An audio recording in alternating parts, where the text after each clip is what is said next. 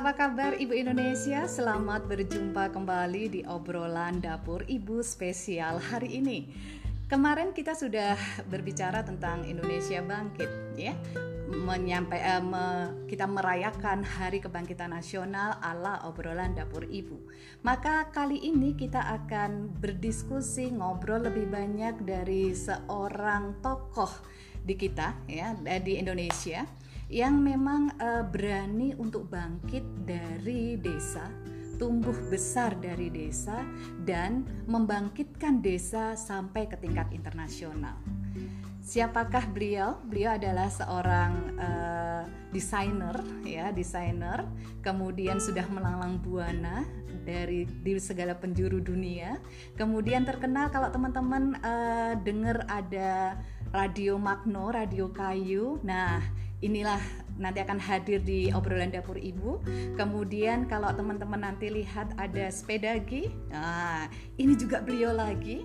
Dan yang paling tren kali ini adalah ketika teman-teman senang menghadiri pasar tradisional yang awalnya bermula dari pasar papringan di mana kita belanja dengan koin, kemudian makanan tradisional ada di sana semuanya. Nah, hari ini kita akan bersama-sama belajar bersama beliau ya bersama beliau dan inilah dia Bapak Singgih Susilo Kartono langsung dari Temanggung.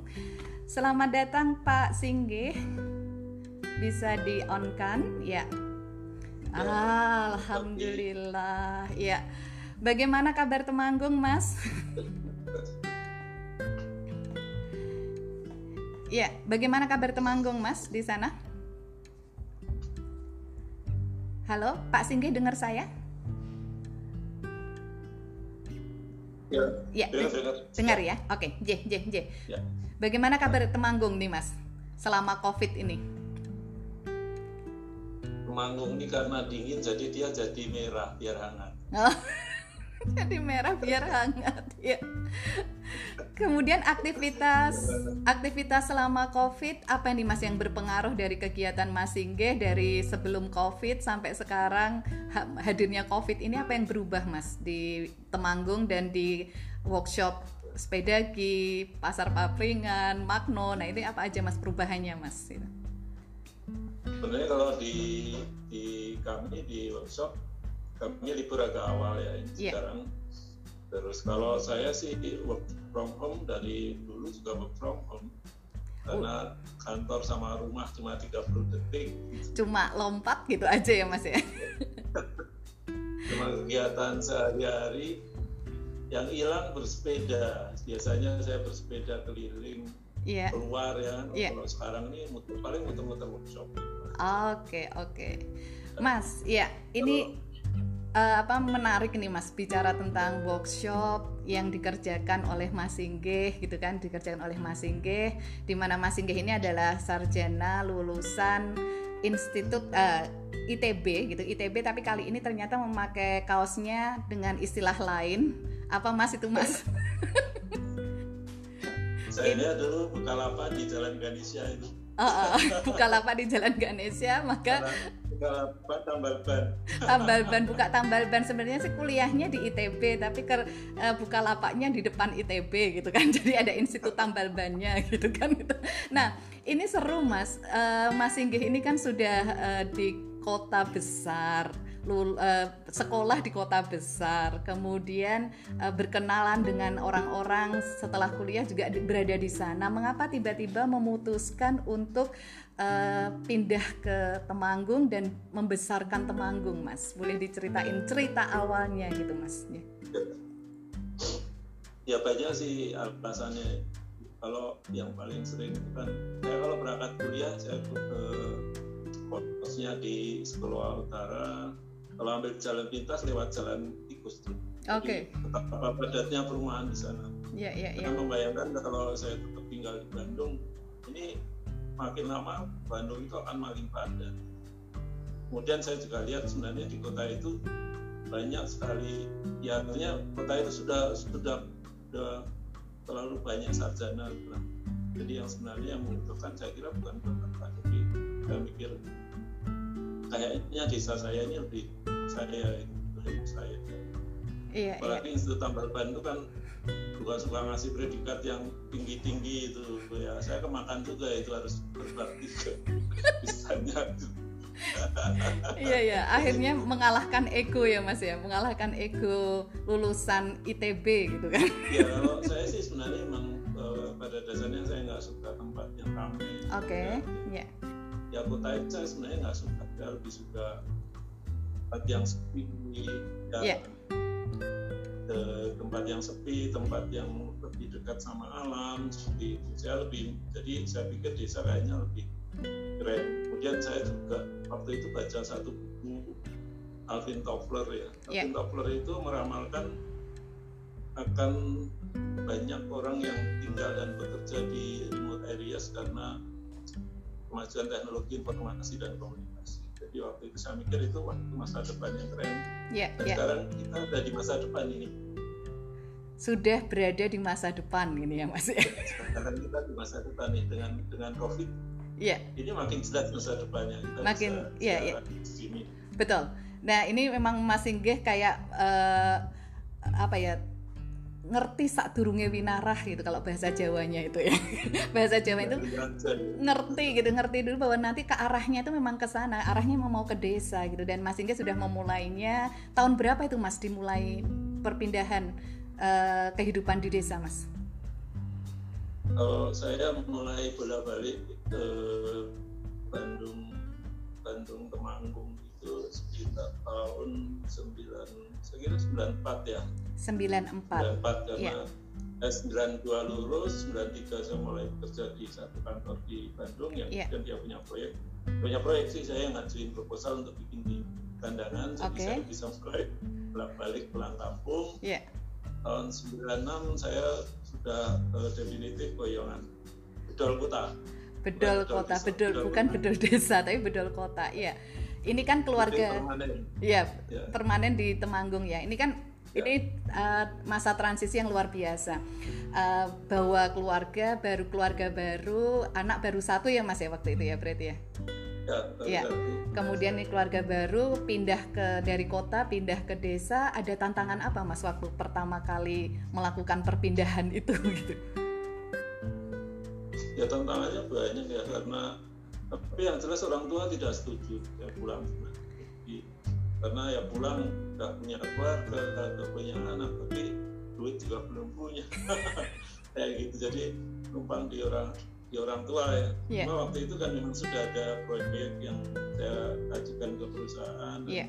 sebenarnya belum belum jalan sih yeah. Cuma ada kegiatan yang sebenarnya saya lakukan okay. ya karena saya pada dasarnya kan orangnya keras kepala gitu jadi kasih tahu oh ya nggak dengerin tapi ya, ya memang saatnya harus begitu ya kalau saya dengar sana sini nggak jadi Betul. Nah, ini teman-teman. Jadi untuk uh, sebuah perubahan gitu, perubahan dan prinsip yang teman-teman uh, sudah pegang, maka karakter pertama yang perlu di perlu di perlu dimiliki itu adalah keras kepala gitu ya keras kepala dulu.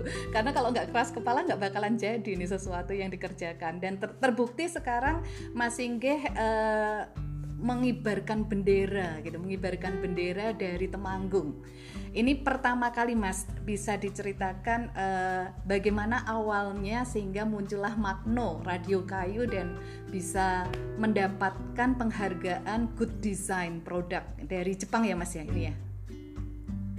Ya. Uh, kalau Magno sih sebenarnya mulai dari tugas akhir saya waktu kuliah. Ya.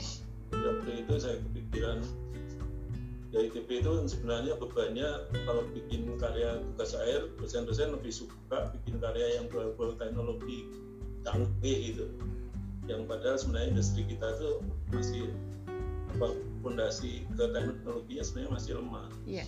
dan pada sisi yang lain saya lihat Indonesia itu punya kekayaan yang luar biasa di sisi uh, kebudayaan, sisi uh, natural resources ya eh, sumber-sumber daya alam kayu. Kemudian juga daya ya daya itu craft salah satunya craft. Ya waktu itu kayak nggak dianggap proyek yang keren ya cuma ya lagi-lagi ketemu sama mahasiswa keras kepala ya saya tetap maju aja.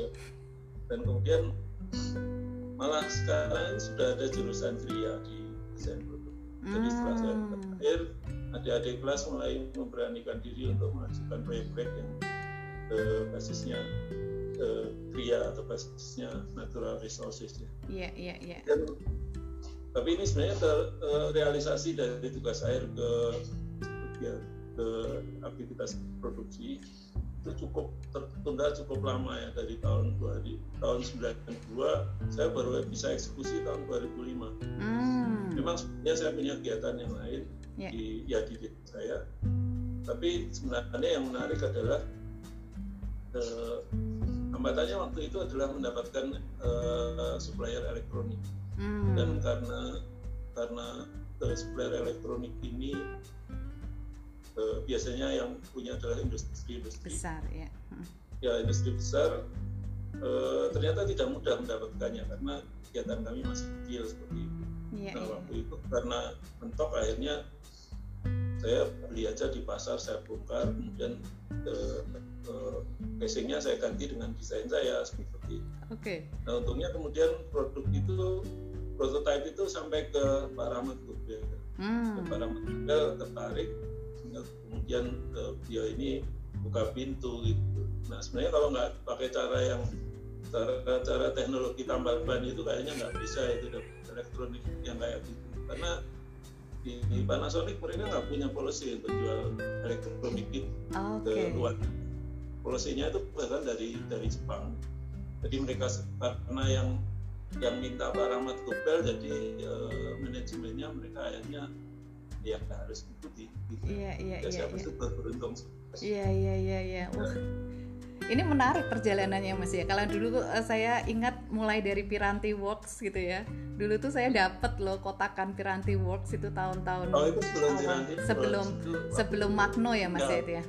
Sebelum Magno ya itu Iya. waktu saya mulai saya resign dari, dari partnership yang awal Iya. kemudian saya kemudian ngapain ya gitu. Iya iya iya iya iya. Karena pokoknya harus bergerak harus berbuat sesuatu. Nah, dan Ini hanya- kuncinya. iya ini kuncinya. ya. Harus berbuat sesuatu terus menerus harus bergerak gitu. Ini kunci yang saya lihat dari Mas Singgih karena habis Magno berkembang gitu ya Magno berkembang setelah kerjasama sama Pak Rahmat Gobel ini membesar Magnonya. Kemudian teman-teman bisa lihat di seberang sana itu ada workshopnya Pak Singgih kalau di belakangnya Pak Singgih itu ya Pak Singgih ya itu itu ada workshop Magno. Nah itu dia. Nah itu adalah workshop Magno. Ini rumah Mas Singgih ini memang kayak akuarium gitu ya. Ikannya saya. Ikannya adalah Mas Singgih dan anak-anaknya. Jadi kalau lari ke sana lari ke sini tuh kayak akuarium. Dilihat dari luar bisa gitu kan. Dan eh, kantornya workshopnya dari sebelahnya. Jadi kalau teman-teman nanti ke Temanggung harus cari desa kandangan gitu ya. Kemudian cari workshop Magno. Nah akan terkesima dengan eh, produk-produk yang ada di sana. Karena Pak Singgih ini tidak selalu berhenti pada satu titik.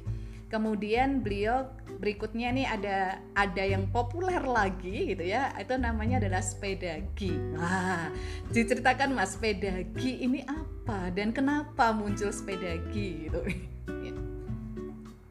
ya eh, eh, proyek Magno itu sebenarnya eh, apa ya ya eh, ya sesuatu yang yang, ya, yang cukup berhasil ya tapi saya sendiri tidak cukup puas karena harapan saya sebenarnya proyek itu harus punya impact yang meluas dan langsung ke komunitas desa. Ya. Eh, Magno itu bisa membangun brand lokal ke tingkat internasional, menjadikan eh, desain salah satu ikon desain dunia. Tapi sebenarnya eh, dalam konteks eh, masyarakat di sekitar sini yang terlibat adalah orang-orang yang bekerja di sini. Nah mimpi saya sebenarnya kan pulang kampung itu saya nggak cuma kayak gini, gitu. saya pinginnya yang proyek-proyek yang bisa berdampak langsung ke masyarakat dan dalam skala yang Hmm. eh delalah kok waktu itu saya kena kolesterol gitu. Oh jadi ini eh, sengsara Ya, membawa nikmat ya? Sakit membawa nikmat ini ya? Eh, mungkin sih eh, kegelisahan saya itu kayak tuh aja. Tuhan tuh kadang-kadang ya suka lucu kayak gitu. Iya. tak pancing pakai kolesterol mudeng nggak gitu Hmm, hmm, hmm. terus saya mikir saya sebenarnya agak shock dengan kolesterol itu karena sering oleh teman saya yang kolesterol tinggi setiap habis makan itu obat. Jadi saya merasa saya kualat kualat iya ya, saya mulai cari nih solusinya apa akhirnya saya lihat di internet wah sepedaan kayaknya bisa nih dulu ini Padahal saya jarang olahraga, saya kurang suka olahraga. Oke, okay, ya. Yeah. Naik sepedaan, ngambil trek di jalan pedesaan. Dan waktu itu tanpa sadar saya bawa kamera. Mm. Jadi saya tidak suka olahraga itu sebenarnya karena selalu merasa kalau setelah olahraga capek. Iya, iya, iya, iya. Dan pakai kamera itu ternyata saya berhenti waktu memotret itu saya tanpa sadar istirahat. Jadi sepeda itu jadi mengasihkan yeah. kemudian foto-foto saya share ke keluarga dan keluarga juga ikut sepedaan jadi lebih seru lagi nah pada saat itu saya mulai menaruh perhatian pada produk sepeda karena background saya kan desain produk. Yeah. padahal kok menarik banget gitu karena itu kan cuma ada dua roda sama ya sederhana banget lah. Beda itu kan simpel banget. Tapi ini menarik menyehatkan ya. Kalau saya pikir-pikir ini kayak radio juga karena radio itu kan juga menariknya karena nggak ada gambar. Iya yeah, iya. Yeah. ini sama sebenarnya kayak dua produk yang punya value yang sama yang kemudian uh, uh, hadir di tempat di saya. Kemudian saya mulai tertarik dan browsing di internet dan saya menemukan sepeda bambu yang oh sepeda bambu ini justru menemukan sepeda bambu. Dan sepeda bambu itu dibikin di negara-negara yang nggak punya bambu. Oh. di Amerika di Eropa. Iya yeah, iya. Yeah. sementara kalau saya sepeda saya selalu lihat bambu itu di mana-mana di pagi desa ini. Padahal ya, Indonesia ini nah, memiliki bambu yang terbesar nomor dua ya mas kayak ini ya di dunia. Indonesia ya ada sekitar 100 160 spesies kalau oh, oke. Okay. iya iya iya. Ya uh, terus karena saya background saya desain produk kemudian setiap hari saya juga bekerja dan kerajinan bambu ada di mana-mana beda bambu yang ada di luar negeri itu pada teknologi kerajinan hmm. mereka sebenarnya agak maksain ya bambu nggak punya kalau bikin kerajinan mahal gitu ini kebangetan kalau saya nggak bikin ya ini saya mutusin kemudian bikin sepeda bambu Oke, okay, oke. Okay. Yang saya beri nama sepeda sepedagi. Nah, sepedagi itu dari kata sepeda pagi. Oh. Iya, iya, iya, iya. Mereknya ngarang aja gampang aja. Ngarang mereknya gitu kan. Karena sepedaan pagi-pagi kemudian dikasih nama langsung sepedagi gitu aja. Iya. Ya. Nah, sepedagi ini kan sudah uh, ada sepedagi movementnya ya Mas ya. Nah, ya. boleh diceritakan Mas sepedagi movement ini apa ini? Ya ya uh, sebenarnya profesi desain produk itu kan profesi yang yang pada satu sisi migunani tapi pada sisi yang lain juga membayani. Yeah, nah, yeah. Kalau yang paling sederhana lah profesi desain itu kan desain produk itu dia bisa bikin barang yang orang lain sebenarnya nggak butuh. Yeah. Karena banyak hal-hal yang seperti yang bisa dikerjakan. Jadi saya pikir kalau saya membuat produk baru, produk ini tidak boleh hanya uh, sebuah produk untuk fungsinya saja artinya sepeda untuk alat transportasi aja apalagi kalau cuma buat gaya-gayaan kan cuma iya iya iya jadi saya berpikir ini harusnya punya satu fungsi lain di luar fungsi uh, teknisnya seperti itu. Nah, kebetulan uh, waktu itu mulai datang orang-orang dari luar dari dari kota maupun dari luar negeri datang karena tertarik untuk melihat sepeda bambu dan mencoba sepeda bambu ini menginspirasi saya eh, tentang solusi sebuah problem salah satu problem besar di saya itu hilangnya para pemimpin hilangnya para pemimpin oke okay. ya. ya, pemikir oh pemikir oke okay. hilangnya para pemikir ya. jadi eh, fenomena brain drain dari desa ke kota itu kan sebenarnya anak-anak muda desa yang kemudian sekolah di kota yang tidak kembali sehingga kemudian desa kehilangan pemimpinnya bisa tidak bisa mengembangkan potensinya dan dia tidak bisa juga eh, memecahkan permasalahan-permasalahan yang yeah, nah betul. saya melihat uh, sepeda sepeda bambu ini seperti sebuah magnet yang dia bisa menarik orang dari luar untuk datang ke desa. Di Elan dulu pernah datang, Ara pernah datang ya. Iya betul. Tarik uh, magnet sepeda-sepeda bambu nih seperti itu. Betul betul. Uh, jadi saya pikir wah ini uh, saya kira ini sebuah sebuah sebuah sesuatu yang menarik ya karena produk yang tidak hanya semata-mata sebuah produk tapi produk jadi ikon sebuah sosial movement. Nah, movementnya apa? Movementnya kemudian ya saya pilih tentang desa yaitu gerakan revitalisasi. Oke. Okay. Gerakan revitalisasi desa, akhirnya gerak uh, movementnya itu ya Mas ya. Iya. Nah, ini menarik uh, ketika sepedagi produk sebuah produk kemudian uh, menggerakkan berbagai macam aktivitas. Pak Singgih mulai mewujudkan yang namanya uh, revitalisasi gitu, merevitalisasi makna gitu. Desa itu seperti apa? Bahkan sempat menyelenggarakan uh, international conference ya Mas ya di Temanggung ya itu. Jadi ada international conference uh, revitalization gitu ya untuk village revitalization itu dikerjakan di Temanggung. Dan yang lagi tren sekarang ini adalah munculnya pasar papringan. Nah ini. Ini adalah tren yang yang sekarang ditiru oleh semua tempat di Indonesia uh, pengen seperti pasar papringan. Nah idenya tuh dari sini. Ya kita kita gali ya pasar papringan ya sekarang ya. Gimana mas pasar papringan itu mas? Pasar papringan ini sebenarnya satu fenomena tentang apa ya? Jadi kalau saya lihat itu seperti saya orang desa yang eh, orang Indonesia yang punya bambu yang sangat banyak tapi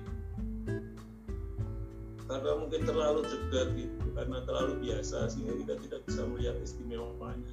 Orang dari luar karena itu istimewa jarang yeah. mereka lihat mereka bisa lihat jadi ada fenomena fenomena rabun dekat yeah. jadi kalau rabun dekat kita jadi blawur gitu blawur bener uh. terus juga ada fenomena kebosanan dan prioritas yeah. jadi uh, kalau pasar papringan sebenarnya saya lihat uh, waktu sepedaan uh, busuan desa itu jadi Jokowi dulu kayaknya lihat saya itu bisa.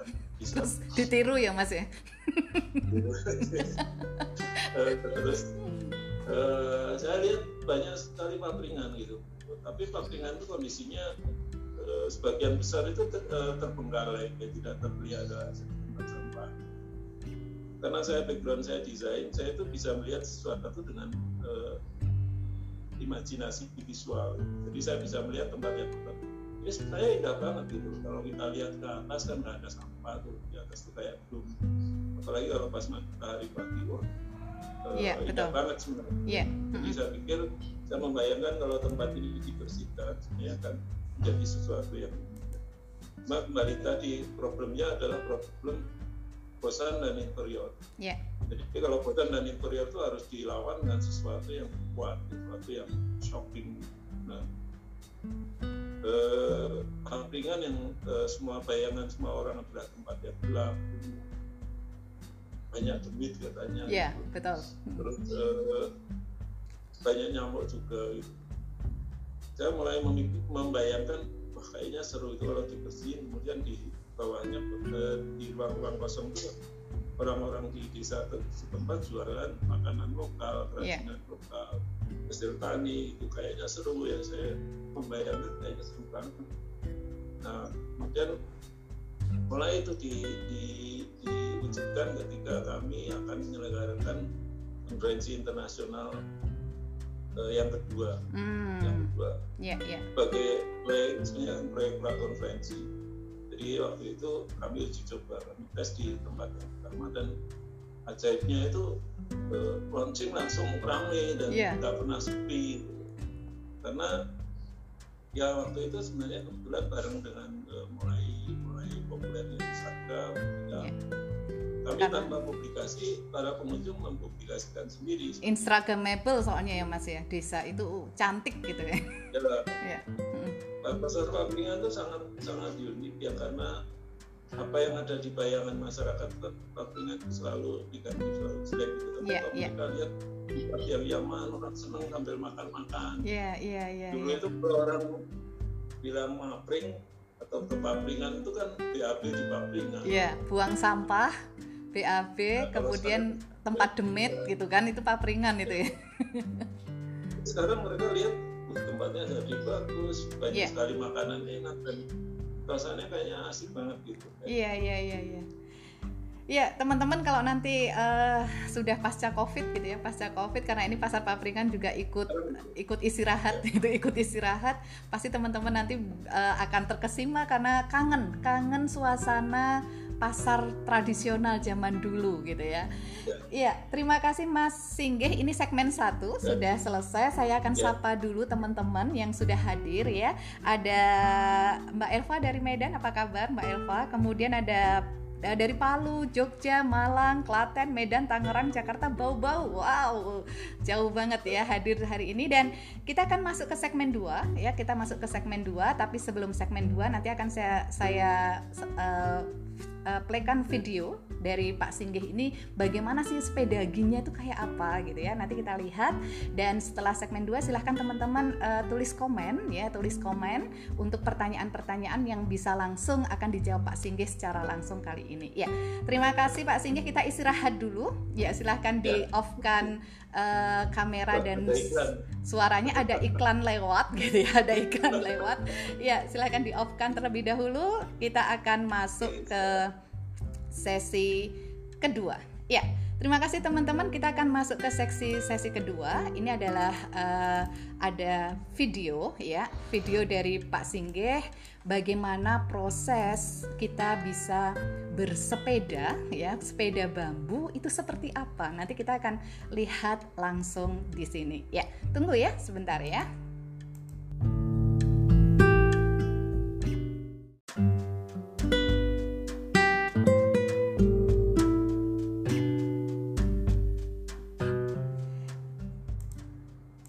Iya, itulah tadi eh, jalan-jalan pagi Pak Singgih ya, jalan-jalan pagi Pak Singgih di dengan menggunakan sepeda gi keren kan? Pak Singgih mungkin bisa on lagi gitu ya, bisa on lagi. Kita akan masuk ke segmen kedua ya. Itu tadi Mas Singgih. Topinya itu apa sih sebenarnya maknanya gitu kan? Kalau dilihat topinya kok kayak kalau saya itu taunya adalah ekra gitu kan. Apakah benar Mas itu ekra gitu? Ya itu yang gerak tapi dibuat lebih kecil lah biar Oke, oke, oke. bawah jadi waktu itu sih eh, sebenarnya kan sepeda bambu itu waktu itu mulai dibuat banyak ketika eh, kegiatan konvensi internasional revitalisasi desa yang pertama. Iya, iya.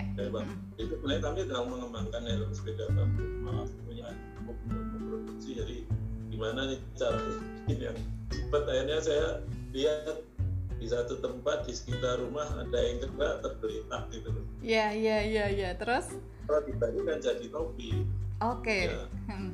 waktu itu saya kemudian lihat juga ini menarik karena apa karena eh, engkra ini bentuknya aneh Hmm. jadi pasti orang tertarik untuk eh, pasti orang pikir nih ada orang kita lewat Karena topian ekra gitu ya.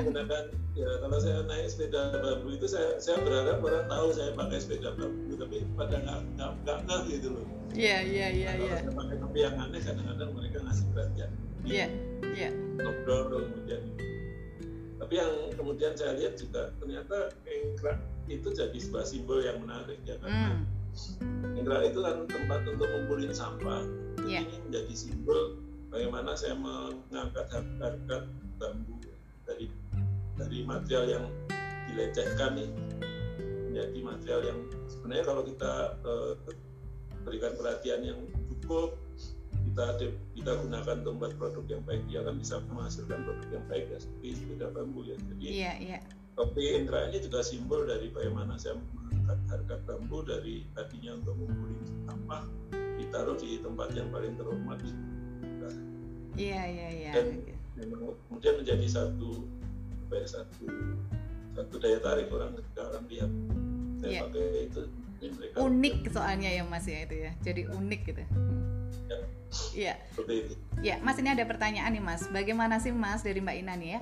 Uh, bagaimana caranya membuat uh, sesuatu yang kita miliki ini bisa terkenal, dikenal dan bisa sampai ke mancanegara?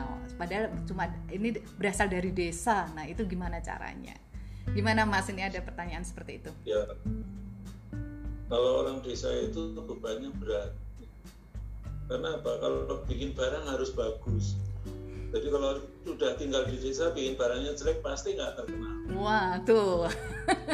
Iya iya. Pasti nggak akan terkenal karena ya ya yang orang desa ya kayak gitu ya udah sih. Dimaklumi kayaknya nggak ya mas ya.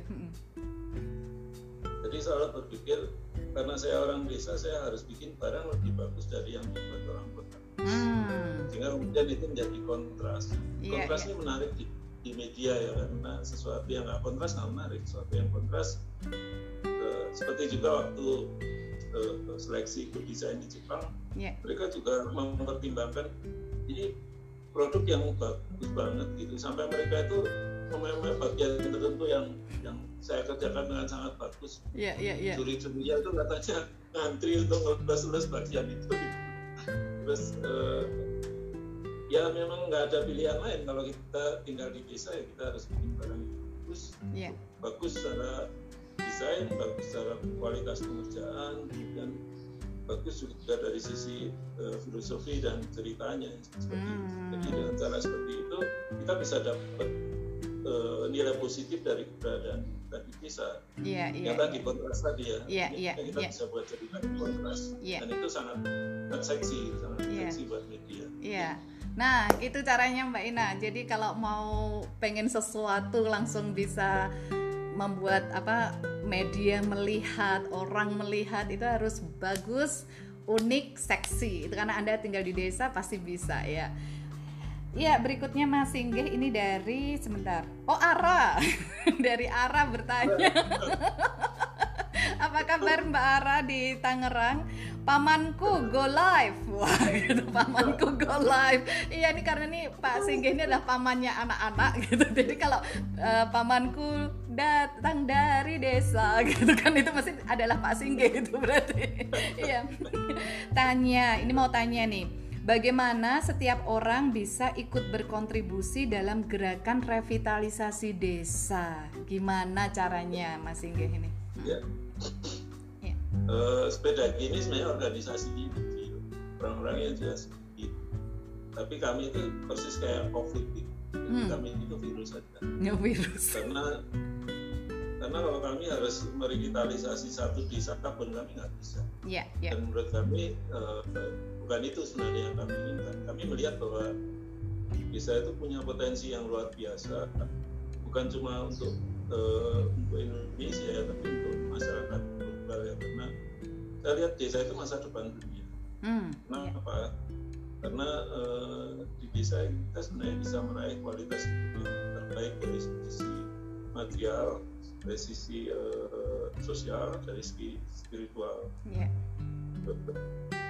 Dan uh, kalau teman-teman mau berkontribusi, ya sering-seringlah uh, lihat di Instagram.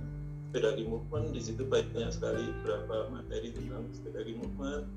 Kemudian juga kalau terlibat kami punya beberapa event. Salah satu event adalah International Conference on Village Revitalization ini sebenarnya event internasional. Sekarang Ara ini terlibat di salah satu kepanitiaan untuk uh, eh, ICPR yang keempat yang rencananya bulan April di Belanda. Di mana mas? di Belanda? Rencananya ICPR 4 oh nih loh International Conference Village Revitalization yang keempat itu mau diadakan di Belanda. Ini desa ngurusinnya di Belanda ya. Iya. Dua desa di Belanda. Kemudian kami ada juga program-program internship mm-hmm. terlibat di dalam kegiatan-kegiatan yang kami lakukan. Kemudian yeah. kami ada kegiatan juga di uh, bekerja sama dengan pihak lain. Yeah. Di Sumatera ada kegiatan okay. temu Kabupaten Lestari untuk uh, yang menyebarkan kegiatan ini. Yeah, yeah, Kemudian yeah, juga yeah. kami ada sepeda gigi Jepang ya. Sepeda gigi Jepang ini sebenarnya teman-teman partner kami dulu ikut kegiatan ICPR. Eh, oh ya mereka sebenarnya salah satu juga pendiri ISPR ya karena waktu yang pertama itu diserahkan bersama dengan Jepang dan yeah. sekarang, mereka sekarang mendirikan sepeda di Jepang jadi dengan cara-cara seperti ini sebenarnya mereka bisa Iya. Yeah. Jadi teman-teman bisa masuk ke me, me, mulai searching, googling gitu ya di apa itu sepedagi, kemudian bisa ke rumah virtualnya, ke Instagramnya. Namanya apa mas? Instagramnya mas? Sepedagi Movement. Sepedagi, Sepedagi Movement. Movement. Oke, Instagramnya ada Sepedagi Movement. Kemudian kalau webnya Mas ada? Webnya belum jadi. Belum, oke. Okay. Webnya sepedagi.com untuk sepeda bambu. Oh, sepedagi.com atau sepeda bambu. Oke, okay. jadi teman-teman langsung ke Instagramnya di Sepedagi Movement. Oke, okay. saya lanjut ke pertanyaan kedua ya Mas ya. Ini dari ya. Mbak Flowers Flowers Mbak Rina di Makassar ya. Apa kabar Mbak Rina? Ini ya. Pak Singgih, bagaimana cara mendapatkan sepeda bambu karya Bapak? Oh, mau pengen ya Mbak ya sepeda bambu ya? Gimana caranya mendapatkan ini dari Makassar ini Mas? Ya, ya. bisa order melalui website atau bisa juga DM di sepeda di Instagram sepeda di bambu baik ya. Sepeda di bambu baik, oke. Okay. Ya. Nanti bisa langsung di situ. Uh, kami memang belum punya toko dalam arti toko real ya di Jakarta juga belum jadi kalau orang mau pesan ya pesan langsung ke kami ya bisa dikirim Oke, okay. jadi ya, nanti ya. dikirim kemudian mereka packing, uh, di packing terus di uh, apa mas diatur di sana di kota tempat kirimannya datang gitu ya mas ya?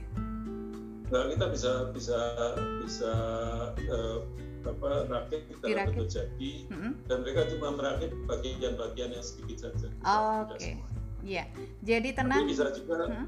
bisa juga kalau yang beli ini uh, sepeda atau penggemar sepeda biasanya mereka kadang-kadang cuma beli frame Oh, oke. Oke, oke, Ya, jadi gitu Mbak Rina, jadi bisa dirakit gitu ya, bisa dirakit. Kemudian bisa beli frame sendiri juga dan sepedagi ini sudah sudah dikirim juga sampai ke Jepang. Jadi nggak masalah kalau dikirim ke Makassar gitu ya. ya. Oke, selanjutnya dari uh, Mbak Nur Hasna Hasan di Pekanbaru. Apa kabar Mbak Nur Hasna? Selalu hadir di obrolan dapur Ibu. Salam Pak Singgih, mau tanya. Saya penasaran pada pasar papringannya. Di kampung pas di belakang rumah orang tua saya ada hutan bambu. Setaunya benar di hutan itu banyak nyamuk, ular, biawak, ulat, sampah, daunnya dan banyak sekali barang-barang yang dibuang. Nah, bagaimana mengatasi hal natural ini sehingga hutan bambu itu bisa jadi pasar yang menarik? Treatment seperti apa yang dijalankan karena saat berjalannya pasar besar kemungkinan ulat kecil bisa jatuh dari pohon dan mungkin mengganggu pengunjung. Terima kasih Pak Singgih. Nah, pasar papringan nih Mas. Ya. Ya ya. Sebenarnya salah satu yang penting adalah kegiatan pasar papringan itu kegiatan komunitas. Ya. Jadi tidak bisa dilakukan sendiri. Sebenarnya bisa aja sih orang punya papringan di belakang rumah bersihin. Ya. Kemudian buat tempat jualan tapi dalam konsep pasar papringan yang uh, kami lakukan selama ini kami melibatkan masyarakat di sekitar untuk menjadi kegiatan mereka sendiri. Yeah. Kemudian uh, pada waktu awal kami juga khawatir itu benar nggak nyamuk ini akan pergi. Gitu. Tapi ketika itu dibersihkan dan banyak orang datang nyamuknya pergi, nyamuknya nggak ada. Binatang-binatang kami hampir kayaknya nggak pernah itu ada ular datang pada saat hari pasaran Pasar. ada kayaknya kayaknya malu ikut jalan-jalan kali iya. mas ya. cuma kalau nyamuk itu sebenarnya datangnya dari ini jadi kalau orang nebang bambu biasanya tidak di pas luasnya sehingga ada genangan air pada batang bambu yang tersisa oh, itu yang sebenarnya menjadi tempat bertelur nyamuk kemudian oh. sampah-sampah iya, iya, iya. kemudian genangan air juga jika itu sudah dibersihkan ya mereka nggak merasa di situ kita cari tempat yang lain. Hmm, iya. Jadi gitu Mbak Nur Hasnah jangan khawatir karena saya sudah membuktikan sendiri ketika saya masuk ke pasar papringan enggak gatel, enggak digigit nyamuk gitu kan, enggak digigit nyamuk dan nyaman sekali untuk uh, makan di pasar papringan itu. Suatu saat harus mencoba ya. Ya, terima kasih. Ini ada lagi Mas dari uh, Mbak Ari Kusmaningsih. Apa kabar Mbak Ari? Ya. bagaimana dulu Pak Singgeh uh, dididik oleh orang tua sehingga mampu berpikir kreatif dan berani mewujudkan ide-ide kreatif dalam kehidupan nyata. Bagaimana Pak? Ya. Gimana Mas ini Mas? Iya. Karena ya karena kami tinggal di desa sih kami ya. terpaksa memang kehidupannya memang harus kreatif ya. Di desa itu zaman saya kecil kan beli mainan buatan pabrik juga susah. Iya betul. Studi. Kemudian orang tua saya sebenarnya sibuk karena dua-duanya PNS. Eh, jadi kami main sendiri dengan anak-anak kampung. Hmm. Dengan apa yang ada di desa karena emang semuanya terbatas jadi kreatif iya. semuanya harus bikin sendiri harus ngakalin sendiri sebenarnya ngakalin sendiri itu kan sebenarnya salah satu pelajaran kreativitas yang kita nggak sadari iya iya iya iya cara-cara yang simpel itu bekas ya karena suka ngopek kalau ada uh, kalau ada apa yang rusak kita coba betulin sendiri kalau penasaran yang nggak rusak juga dibongkar nggak bisa sendiri terima bongkar nggak terima pasang gitu iya tapi itu ternyata jadi bekal yang baik ya waktu saya kuliah di yeah. program sangat membantu karena teman-teman yang di kota rata-rata punya kesulitan untuk uh, ngapalin hal-hal yang seperti itu kalau kami sih biasa banget gitu. jadi okay. Itu sangat membantu sampai yeah. sekarang pun sebenarnya sangat membantu iya yeah. jadi gitu Mbak Ari ya jadi di sekolah juga dulu ada pelajaran prakarya dan saya yeah. sangat oke okay. membantu kreativitas yeah. kreativitas yeah. ya. Jadi harus uh, jangan semua serba ada gitu. Kalau semua serba ada itu tidak membuat kreatif karena kebetulan tinggal di desa. Zaman dulu kita kecil itu memang nggak pernah beli mainan ya mas ya. Kalau pengen mainan yeah. pasti bikin, pengen mainan pasti bikin. Nah, bagaimana caranya kita bisa men-set up uh, kondisi seperti itu di anak-anak sekarang dengan tantangan yang lebih beda, per, tentunya lebih be, lebih besar dan lebih berbeda. Ya, baik saya lanjut Mas nih banyak nih Mas pertanyaan nih Mas ya. Uh, oh iya saya koreksi Mbak Riri ya bukan Mbak Rina ya Riri ya saya ingetnya tuh Rinya gitu karena di FB-nya flowers flowers gitu ya berikutnya ah dari Lavinia kakaknya Elan Dok, apa kabar Jepang, Dok? Iya. Pamanku dari desa, ya. Dewasa mau tanya ini gitu kan. Ini Pak ini ponaannya banyak banget emang Pak Singgih ini. Dewasa ini banyak anak lahir di kota. Tumbuh dewasa sampai tua pun takkan punya desa untuk pulang. Waduh ada saran nggak Pak bagi mereka pindah berkarya dan hidup diterima di desa? Jikapun kondisi memaksa mereka tetap di kota, apa saran supaya mencapai keseimbangan? Matur nuwun Pak, salam dari anak kota. Dia mau pindah nih Mas, kayaknya nih Mas. mau ke desa nih Mas kayaknya. Kompori Mas, kompori Mas. Ya, sebenarnya sih nggak harus nggak harus semuanya pindah ke desa. Iya. Yeah. Tapi yang penting eh, kalau tinggal di kota kotanya juga jadi sehat jadi kami sekarang ini kan eh, memulakan sebuah teori lah teori ini yeah.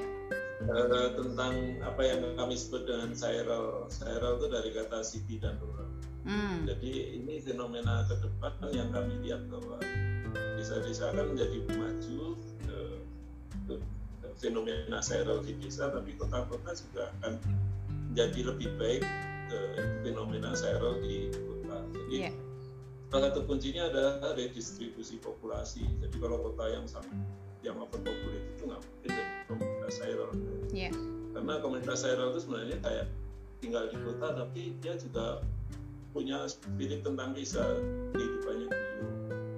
Ada kegiatan-kegiatan uh, ya secara secara lingkungan juga lebih hijau dan orangnya lebih bisa secara sosial lebih siap. Kalau desa yang saya ini desa desa. Yeah.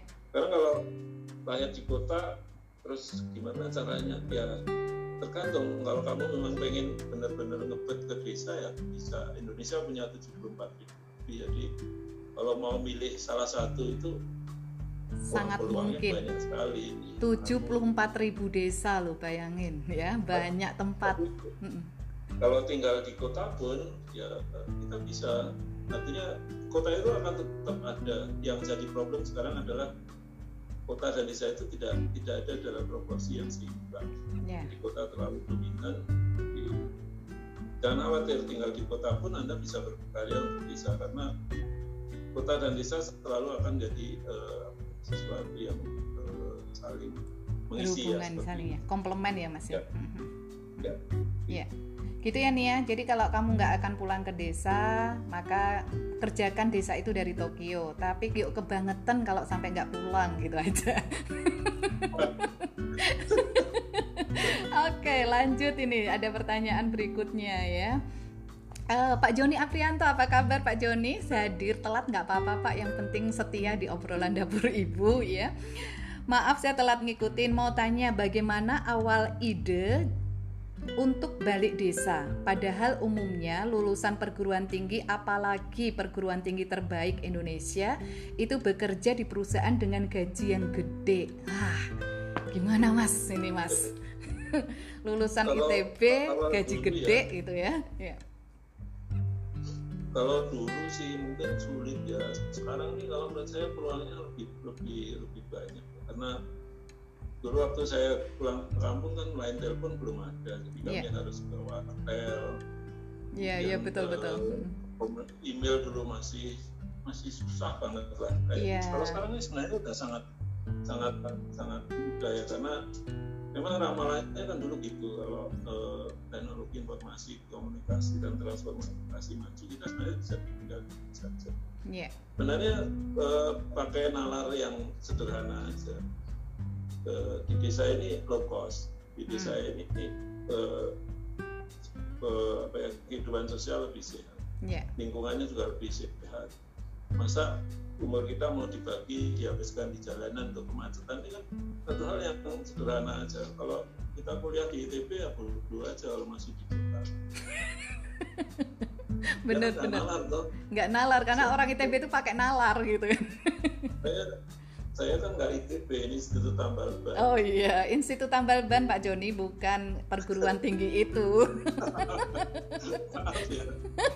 uh, tapi sekarang saya lihat anak-anak muda sekarang itu uh, banyak yang mereka punya misi yang uh, berbeda dengan iya. generasi-generasi sebelumnya. Yeah. Jadi mereka itu ini disebut the, the purpose generation ya. Jadi mereka tidak hanya membangun karir untuk memenuhi kebutuhan ekonominya tapi mereka pengen punya peran yang lebih besar untuk membuat kehidupan lebih baik. Iya, iya, nah, iya. Karena saya sudah nggak milenial, jadi saya juga nggak membatasi the first generation ini orang milenial. Jadi semua orang yang punya pemikiran terus menerus untuk membuat kehidupan yang lebih baik ya. Mereka the purpose generation semua yang tua, senior, lansia.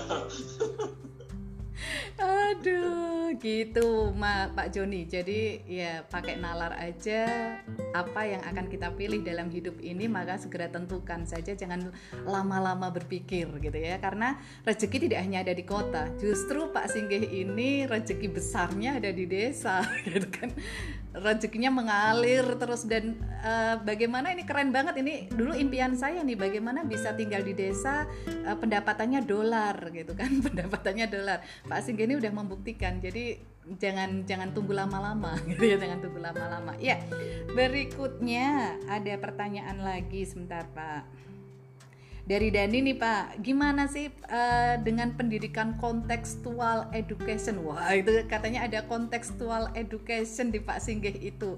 Itu sebenarnya apa Pak? Tolong diceritakan Pak kontekstual education itu ya.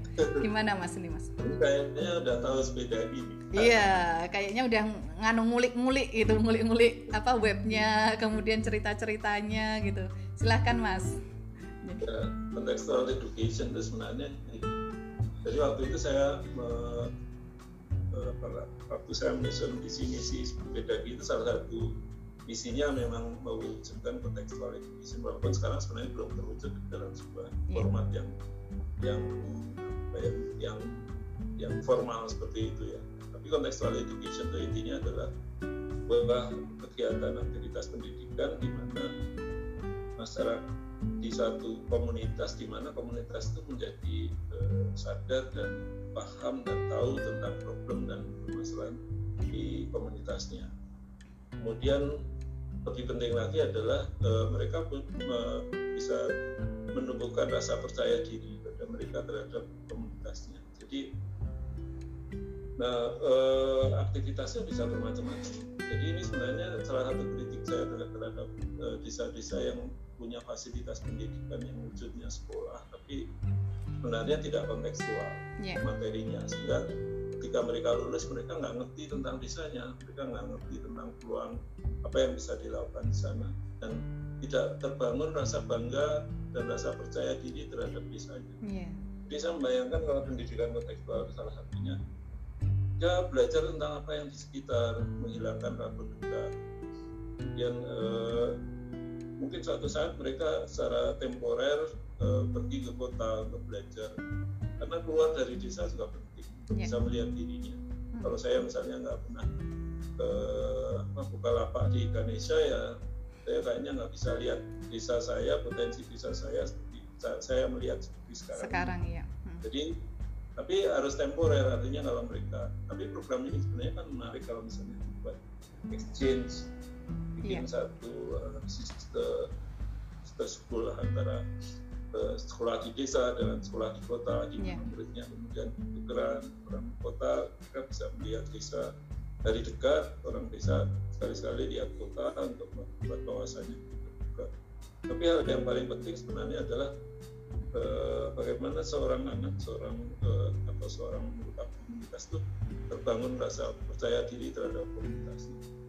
Dan terbangun rasa cinta terhadap komunitasnya itu akan menjadi hmm. kunci sehingga dia tidak tidak akan pergi jauh lah yeah, dia akan yeah, yeah. bisa tinggal dan mengembangkan komunitasnya seperti itu. Iya, yeah, iya. Yeah.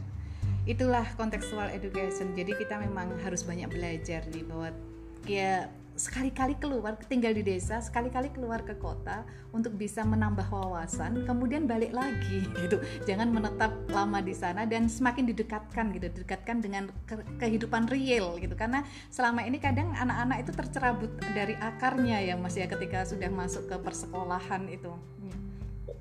dan sekarang sebenarnya potensinya luar biasa ketika hmm. teknologi masih sudah sangat mudah ya.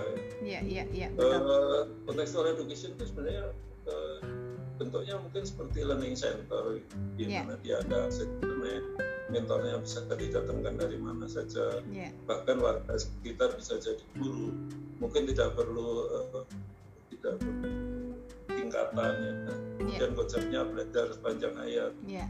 jadi kalau orang yang sudah memang butuh belajar dia bisa masuk yeah, betul. dalam usia apa pun yeah. dalam profesi apa pun yeah. dan orang yang punya keahlian di desa itu atau tempat lain bisa menjadi pengajar. Iya, iya, iya. Seru lah sebenarnya kalau bisa yeah. kayak Pemerintah enteng, pemerintah tuh santai Betul. kalau Iya, karena apa?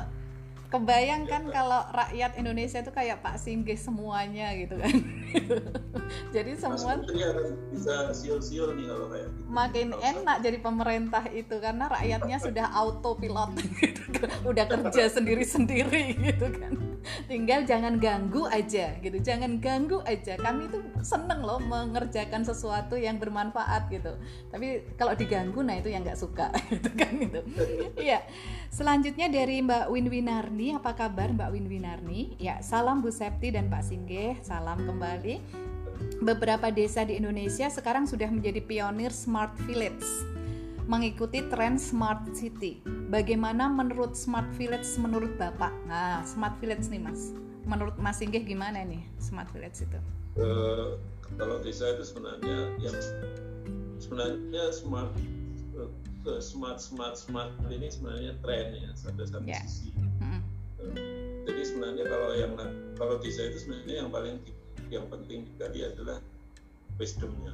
Mm. Desa itu punya wisdom yang sangat baik yeah. itu sebenarnya harus digali dulu smart desa menjadi smart ya tapi pertama dia harus menggali dulu sebenarnya dia itu seperti apa dia yeah. punya eh, profilnya itu seperti apa kepribadiannya seperti apa dan itu harus dibangun dan dimunculkan eh, teknologi ini kan sebenarnya sesuatu tools ya sesuatu yeah. alat ya sebenarnya untuk untuk bisa berhubungan atau bisa mengembangkan diri ya tapi sebenarnya yang paling penting dan kemudian dari tiba-tiba desa tradisional untuk transformasi ke smart village. Iya, iya, iya. kemudian yang terjadi kadang-kadang ya uh, budaya ya kayak. Jadi uh, desa itu sebenarnya problemnya kan sudah sangat lama sekali lah dia mereka tuh terlambat dikembangkan jadi selama periode baru buka atau nggak nggak dengar nih yeah. selama orde baru selama orde orde yang sebelumnya itu karena desa itu selalu dapat yang paling jelek paling iya. sedikit yeah. dan paling akhir yeah. ya jadinya kayak gitu yeah. nah sekarang sebenarnya sudah mulai bangkit baik dari pemerintah maupun dari uh, masyarakat sendiri sehingga kemudian lahir smart village yeah. tapi menurut saya uh, proses ini karena ujuk-ujuk jadi harus terus menerus di bagaimana dia menjadi itu meresap gitu loh. Kalau masak tempe bacem itu ya bacemnya agak lama biar bumbunya meresap gitu loh. Tidak cuma menjadi sesuatu yang instan. Iya, jangan kita cepet -cepet. tidak tidak bikin tidak bikin indomie loh. Iya betul. smart village itu nggak bikin indomie. Kita masak gulai atau masak tempe bacem iya ya perlu proses yang memang betul-betul lama baik ya. sehingga teknologi-teknologi baru itu tidak cuma tempel pak yeah. benar-benar menjadi sesuatu yang menyatu dengan masyarakat dan mereka paham gitu. Iya. Aduh, nggak terasa Mas Inggih sudah hampir satu jam kita ya. Ini sudah sudah masuk jam 10.58. Terima kasih Mas Inggih ini untuk obrolan serunya. Mungkin ada satu kalimat nih Mas untuk penutup nih Mas ya. Kalimat penutup untuk teman-teman yang mungkin selama ini sudah pengen banget karena ini COVID pasti ada sesuatu perubahan gitu ya ada perubahan. Nah bagaimana untuk menghadapi mungkin ada yang sudah pengen untuk tinggal di desa gitu untuk berubah selama ini tinggal di kota tapi nggak berani. Nah gimana Mas ini untuk penutupnya nih Mas? Silahkan Mas. Ya. ya. Uh, saya percaya desa itu masa depan dan saya percaya kalau kita mau menjadi uh, seseorang atau keluarga atau bangsa yang berhasil adalah harus berangkat dari apa yang kita punya apa itu potensi atau problem yeah. Indonesia itu potensinya sebenarnya bisa ada 74 ribu lebih bisa yang tersebar di Nusantara dan masa depan itu sebenarnya akan kembali ke nilai-nilai desa orang akan kembali mengkonsumsi bahan-bahan dari lokal, hmm. orang akan membutuhkan kehidupan sosial, yeah. orang uh, pengen dekat dengan alam, dan semuanya itu sebenarnya ada di desa. Bahkan di kota pun mereka membuat hal-hal yang mirip seperti itu. Jadi yeah. saya pikir uh, kita kalau kita mengembangkan desa-desa di Indonesia bukan hanya membuat negara ini kuat dan sehat, tapi juga Indonesia bisa jadi menjadi pionir beragam untuk uh, membuat bahannya jadi uh, uh, desa adalah masa depan Iya. Terima kasih banyak Mas Inggih untuk waktunya dan menambah seru obrolan dapur ibu spesial hari ini. Selamat menyambut Lebaran, Mas, dengan suasana yang berbeda. Segera potong ayamnya karena Mas Inggih ini punya ayam banyak banget. Karena apa dipotong itu dikasih nama satu-satu gitu ayamnya uh, itu kan tega sudah beli masuk freezer udah beli ya. Nggak bakal nggak bakalan tega kalau akan menyembelih ayam sendiri gitu kan ya. Salam untuk keluarga salam untuk Riris Mbak Tri sama Wening ya. Selamat mohon maaf lahir batin selamat lebaran ya Mas ya. J J J terima kasih J ya J itulah teman-teman uh, obrolan kita dengan Pak Singgih Susilo Kartono